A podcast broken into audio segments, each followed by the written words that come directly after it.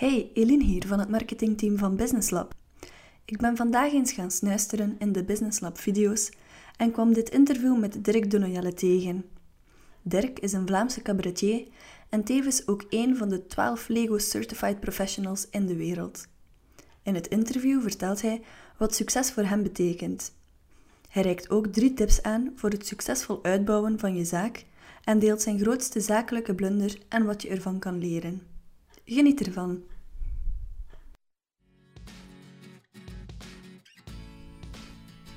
Ben jij zaakvoerder van een kleine onderneming en vind je het lastig om alle facetten in jouw onderneming draaiende te houden? Abonneer dan vandaag nog op onze podcast. Dat kan via iTunes of via Spotify. Zo word je op regelmatige basis geprikkeld om over jouw zaak na te denken. Wil je echt stappen ondernemen en groeien met jouw onderneming, dan nodig ik jou graag uit om kennis te maken met ons en de resultaten die onze klanten ondernemers in hun onderneming halen. Het is namelijk de missie van Business Lab om zelfstandigen te transformeren tot ondernemers en hen te begeleiden op hun pad naar het succes. Zo evolueren ze van een fase waarin het hun hoofdzaak overleven is, naar een fase van succes, van consolideren en verzilveren. En zo creëren ze niet alleen voor zichzelf, maar ook voor hun partner en hun kinderen een comfortabel leven. Ga naar www.ddays.be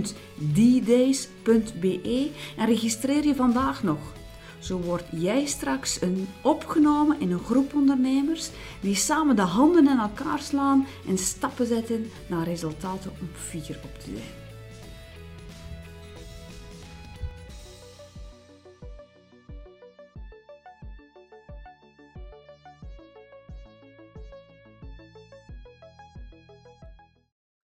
Dag Dirk, super blij dat je ons hier ontvangt in jouw atelier. Ehm, Amazing Things, Lego blokjes. Kun je mij eens vertellen wat dat jij precies doet en vooral wie dat jij bent? Hm, wie dat ik ben? Ik ben Dirk de Noyelle. Ik ben bijna 50. Ik uh, ben tegelijkertijd cabaretier voor het bedrijfsleven en professioneel Lego-bouwer. Mijn officiële titel is Lego Certified Professional. Zo zijn er twaalf in de wereld, daar ben ik ongelooflijk fier op.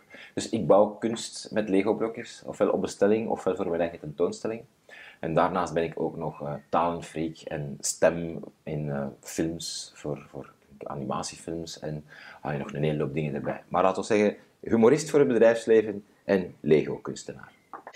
Hoe ben je daar uiteindelijk toe gekomen? Want dat is een job dat je niet op de schoolbanken leert. Ik ben typisch een product van maak van uw hobby's uw beroep. Um, ik ben ooit afgestudeerd als burgerlijk ingenieur en mensen vinden dat een heel rare carrière switch. Maar het eigenlijke verhaal is dat mijn vader in de tijd zei van eerst een diploma en dan uw goesting. Mijn goesting was altijd om iets plezant te doen op een podium. Dus ik ben vrij snel na mijn afstuderen via een paar omwegen in de journalistiek en public relations gewoon beginnen optreden. Er waren toen tien professionele humoristen in dit land. En uh, ik was nummer elf. Uh, na optredens voor verenigingen werd het dan theater en van theater werd het dan bedrijven en nu internationale bedrijven. Omdat ik het gewoon graag doe. En Lego is eigenlijk hetzelfde verhaal. Ik heb toen mijn dochter zeven was, kreeg ze haar eerste doosje Lego op een verjaardagsfeest.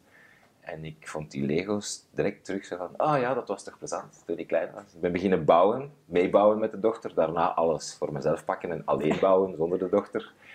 Um, en dan vrij snel weer gezien van, hier zit, hier zit een gat in de markt, hier zit iets wat ik commercieel kan gaan doen. En uh, dus ik heb ook van die hobby een beroep gemaakt. En op een bepaald moment was het zo uit zijn voegen gebarsten dat het niet meer bij ons thuis kon. Dus vandaar dit Lego atelier. Um, en het is bijna terug te klein, dus het zal wel goed werken zeker. Maar dat is de boodschap. Maak van je hobby's je beroep. Wat betekent succes voor jou persoonlijk? Ja, ik heb heel lang zitten nadenken over, over wat succes nu eigenlijk is. Um, omdat als ik van deze hobby Lego mijn beroep ging maken, dan moest ik natuurlijk heel erg opletten dat er nog hobby's zouden overblijven. Ik maak van al mijn hobby's mijn beroep. Ik leer graag vreemde talen. Ik ben nu Tsjechisch aan het leren. En, en op een bepaald moment ben ik dan ook gaan optreden in die talen. Maar dan is de lol er een beetje af. Dan, dan, dan is het niet meer de taal leren voor de taal, dan is omdat ik ze nodig heb. En hetzelfde met Lego. Als ik van, van het ontspannende Lego spelen ineens zeg van ja, ik moet nu een hoofd afkrijgen en ik moet nu een mozaïek afkrijgen, dan zit er weer stress achter. Dus ik heb heel lang nagedacht, waarom doe ik het eigenlijk? En dan samen met mijn vrouw zo van, waarom werken wij? En dan was, uh, was het eerst van, we gaan graag op reis iemand moet daar toch voor betalen. En dan was van, ja, dan, dan worden we beroemd. En dan was een hele hoop parameters om dan uiteindelijk te beslissen van, het moet gewoon leuk zijn. Moet, moet echt leuk zijn. Ik heb op een bepaald moment de kans gekregen om um, José Manuel Barroso te bouwen in zijn hoofd. En dan ook de toenmalige voorzitter van het Europees Parlement. En dan in mozaïek, want dat waren twee 3D-hoofden, dan in mozaïek de alle andere leden van de Europese Commissie. Dat was toen nog met Louis Michel. Enfin, dat was een gigantische opdracht en die werd dan ook voorgesteld aan de wereld.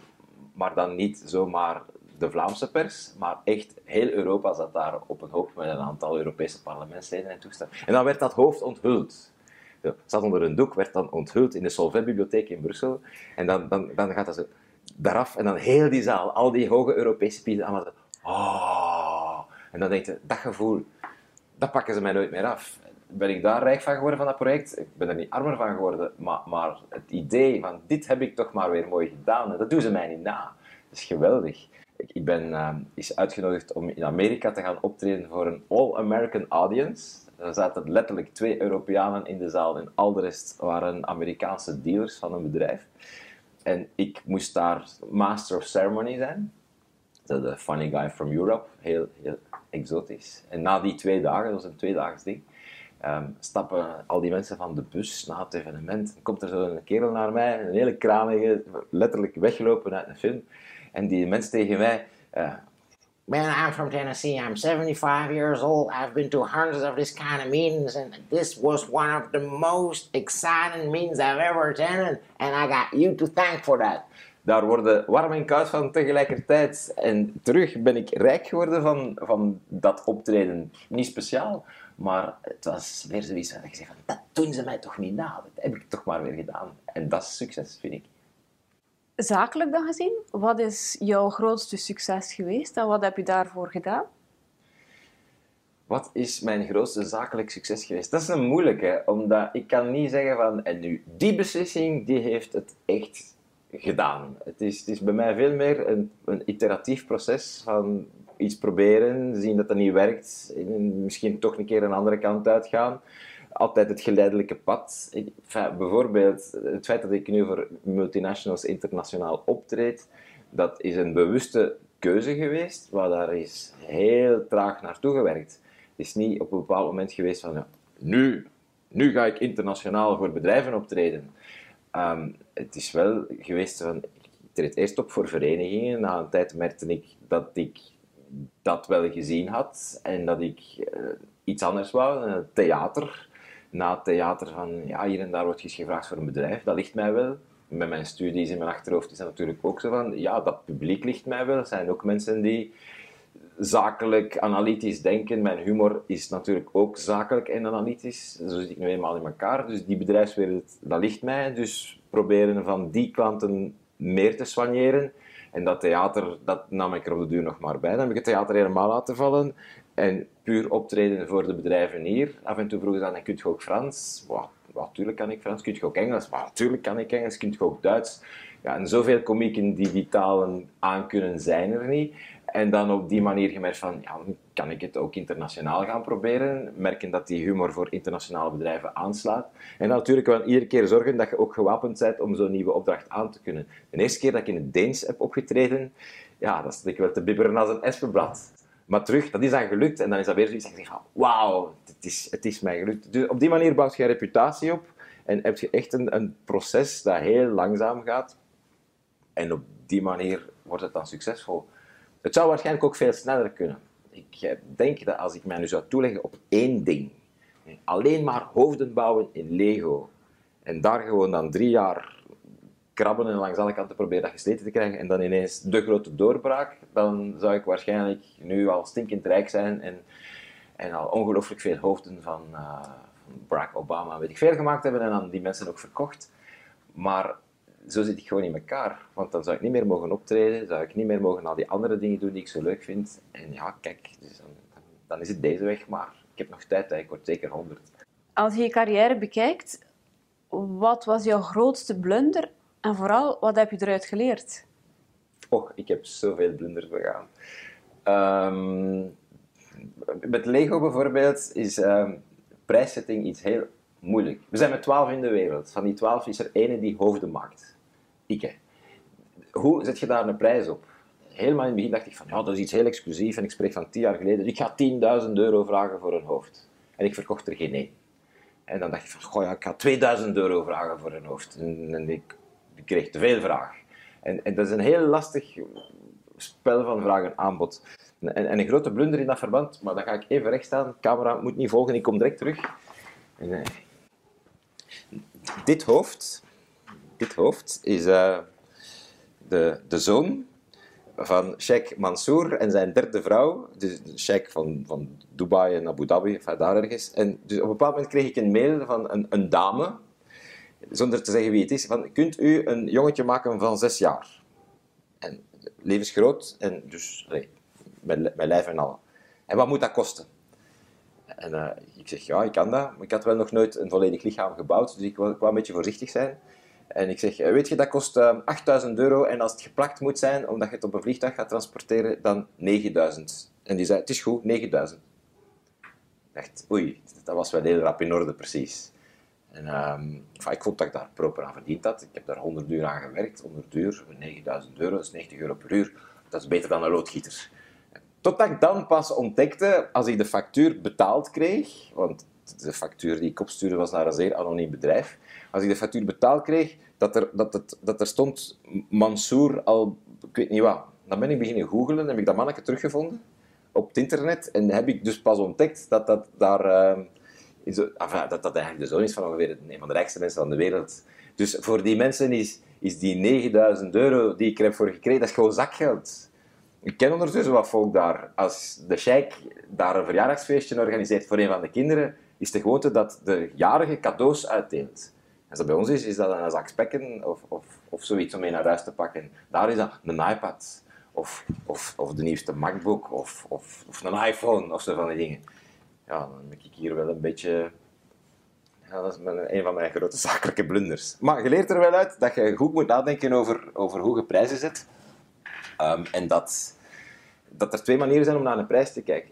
Enerzijds, wat kost het u om het te maken? En anderzijds, wat is dat die mens eigenlijk waard? En ik denk dat ik nog veel te weinig uitspeel dat als je een kopbeeld in Lego, dan is er maar één in de wereld. Hè? Eén. We hadden het er nog onlangs over. Uh, een gemiddelde, een beetje bekende zanger in, in, in Vlaanderen, maar die dan in het Engels zingt, dus niet wil turen, alhoewel dat hij daar ook wel zit, die vraagt 10.000 euro voor een half uur te komen optreden. Wat blief? 10.000 euro voor een half uur. Ja, misschien moet hij dan toch wel wat meer gaan zingen. Hè? Allee, dan, kun je, dan weet je dat vraag, aanbod, dat is toch een heel relatief verhaal. Wij al met het uh, Business Lab hebben als doel om eenmanszaken, dienstverleners, kleine zelfstandigen en freelancers te begeleiden naar meer succes, meer vrijheid, meer klanten, meer omzet. Wat zouden de drie tips zijn die voor jou wel belangrijk zijn, dat je ze zou kunnen meegeven? Ja, daar moet ik ook even over nadenken. Um, eentje waar ik zelf veel aandacht aan besteed is van, um, ik noem dat oversatisfied the customer of, of overdeliver. Meer geven dan wat de klant eigenlijk vraagt.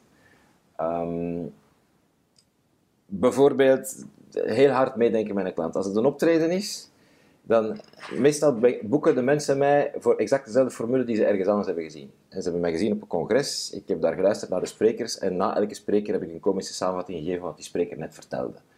Is een waarschijnlijke succesformule en, en mensen vinden dat geweldig. En dus krijg je soms dan de vraag van een andere organisator van, kunt je bij ons dat ook eens komen doen? Ja, en dan zeg ik van, en hoe ziet dat evenement eruit? Wel, ik ga een speech geven en daarna mijn sales manager nog een speech en dan is het eigenlijk een hele lang diner. Ja, maar als dat twee speeches zijn van vijf minuten, moet je mij niet vragen om daar een komische samenvatting op te geven, want er is niks om samen te vatten. Ah ja, ah ja, nee.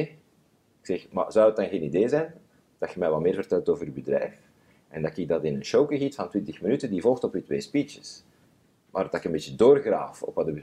Ah, dat is een goed... Ja, daar hadden we niet aan gedacht. Ja, eigenlijk wouden we dit, maar jij stelt dat voor en dat is beter. Dat is meer dan dat we eigenlijk, dat we eigenlijk wilden. En het kost niet meer. Dat is, dan, dat is altijd wel belangrijk. Ehm, met de Lego hetzelfde. En ik heb onlangs voor de aannemer die het MAS heeft gebouwd, de groep Willemen, heb ik de, een, een maquette gemaakt van een meter hoog, iets meer dan een meter hoog, van het MAS. En dat hadden ze besteld. Uh, maar in plaats van gewoon die maquette te leveren as such, heb ik er licht in gestoken. Wat dat ze niet verwacht hadden, wat dat ze ook niet gevraagd hadden, maar dat geeft wel direct een surplus. Die surplus heeft mij niet zo veel gekost, maar heeft bij die klant wel het effect gehad. Wauw, kijk eens, het is nog beter dan dat we hadden gedroomd. En dat is een effect wat, dat, wat, wat ik, enfin, puur al op persoonlijke reden, ik vind dat gewoon tof. Dan, de, dan, dan, is een klant niet zomaar iemand aan wie je een doosje hebt gegeven. Nee, dan, is, dan wordt een klant ineens iemand en krijgt je een band. En ik kan me inbeelden dat het ook zakelijk gewoon veel interessanter is om dan een, een langere relatie mee op te bouwen. Dus dat is één. Mm Geef meer dan dat ze verwachten. Um, een andere tip vind ik is focus. Ik heb het er zelf heel moeilijk mee, met te zeggen van ik doe alleen dat en, en de rest doe ik niet. Maar ik herinner me heel goed dat ik op een bepaald moment in mijn podiumcarrière een beetje, ik voelde de dingen slabbakken. En ik ben dan met een hele slimme mens gaan praten die voor een aantal banken in de marketing en zo zit, die toevallig mijn overbuur was, gemakkelijk. En uh, die mens zei mij van, ja maar hij zegt, Dirk, je moet, je moet leren kiezen. Jij doet in één show Eddie Wally na, en Kabouter Plop na, en Jacques Brel na. Zo werkt dat niet. Je moet, je moet je publiek kiezen. Je hebt mensen die met Kabouter Plop kunnen lachen, en je hebt mensen die met Jacques Brel kunnen lachen. En die twee werelden liggen uit elkaar. Ik zeg, ja maar alleen, de, de gemeenschappelijke noemer is toch dat ik gewoon imiteer en op die manier parodieer en grappig ben. Nee, nee, nee, zegt zo zit dat niet in elkaar. Je moet eerst weten voor wie je speelt. En iemand die met een echte kabouterpop niks heeft, die gaat met je parodie ook niks hebben. Die vindt dat gewoon niet goed genoeg. Maar iemand die grote fan is van Jacques Brel, en je doet die na en je doet er nog iets meer mee, die gaat dat wel goed vinden. Dus kies je publiek en gedraag je ook helemaal daarnaar.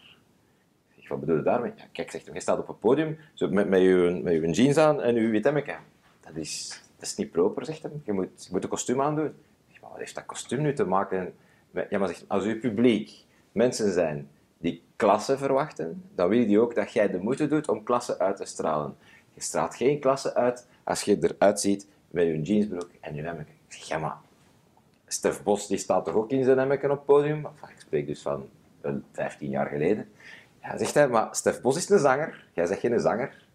Jij zijt de komiek. Wie is op dit moment de marktleider bij de komieken? Of dat je het nu wilt of niet. Geert Hoster. Ja, maar je moet mij toch niet vergelijken met Geert Hoster? Nee, inhoudelijk niet. Maar hij is wel de marktleider. Dus onbewust gaan mensen vergelijken met hem. En jij kunt daar niet van tussen.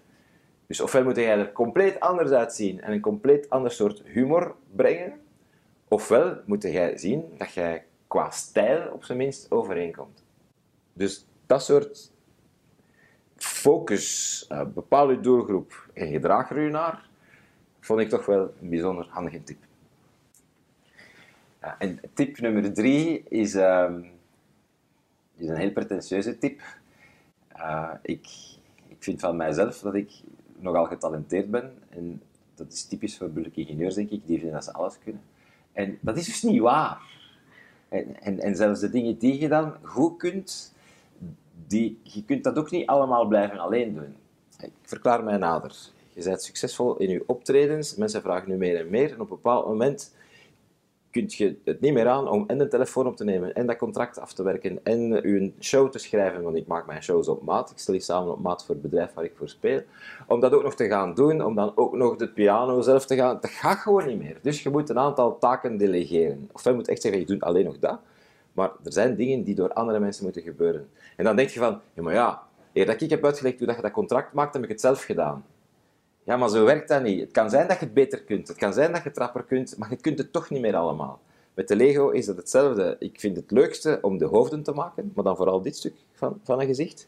En om op ideeën te komen voor kunst. Ik weet niet of je het in de achtergrond ziet, maar je ziet daar een, van mijn sympathieke medewerkers en je ziet daar een cactus waar aan gewerkt wordt, met een gezicht in. Ik vind het heel leuk om op dat concept te komen van die cactus. Maar eigenlijk, zo, het bouwen van die cactus zelf, dat doe ik niet zo graag. En dan kan het zijn, in dit geval is dat nu niet zakelijk zo, het kan zijn dat mijn medewerker trager bouwt aan die cactus dan ik.